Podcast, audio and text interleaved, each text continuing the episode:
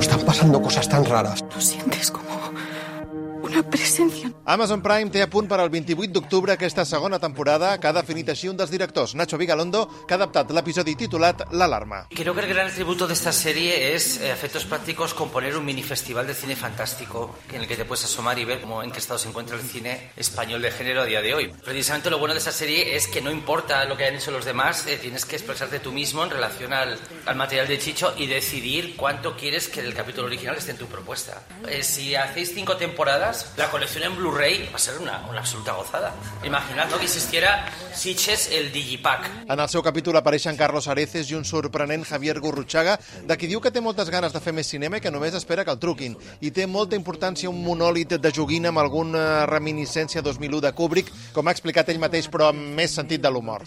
La basca Alice Waddington ha portat la pesadilla al seu terreny barroc amb total llibertat, com ha explicat a Catalunya Informació. La libertad eh, creativa y de elección de es realmente el hilo común que une a todos los capítulos. Hemos intentado tener el mínimo diálogo posible respecto de cómo estábamos haciendo la adaptación, precisamente para que fuese el acercamiento fuese una sorpresa.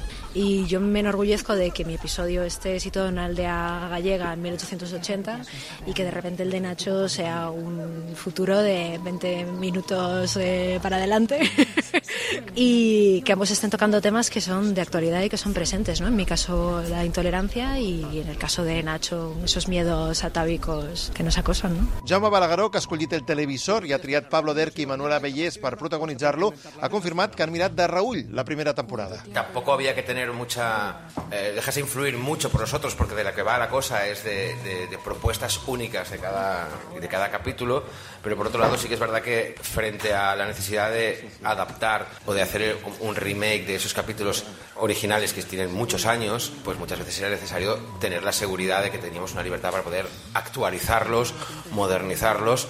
Entonces esos cuatro capítulos previos lo que nos daban es esa perspectiva, ¿no? Es decir, si lo han hecho ellos, pues nosotros no, no nos dirán nada si también los modernizamos y los hacemos nuestros, ¿no? Salvador Calvo, el director d'Adu, s'ha fet càrrec del quart episodi, El trasplante, i ha comptat amb Javier Gutiérrez i Carlos Cuevas.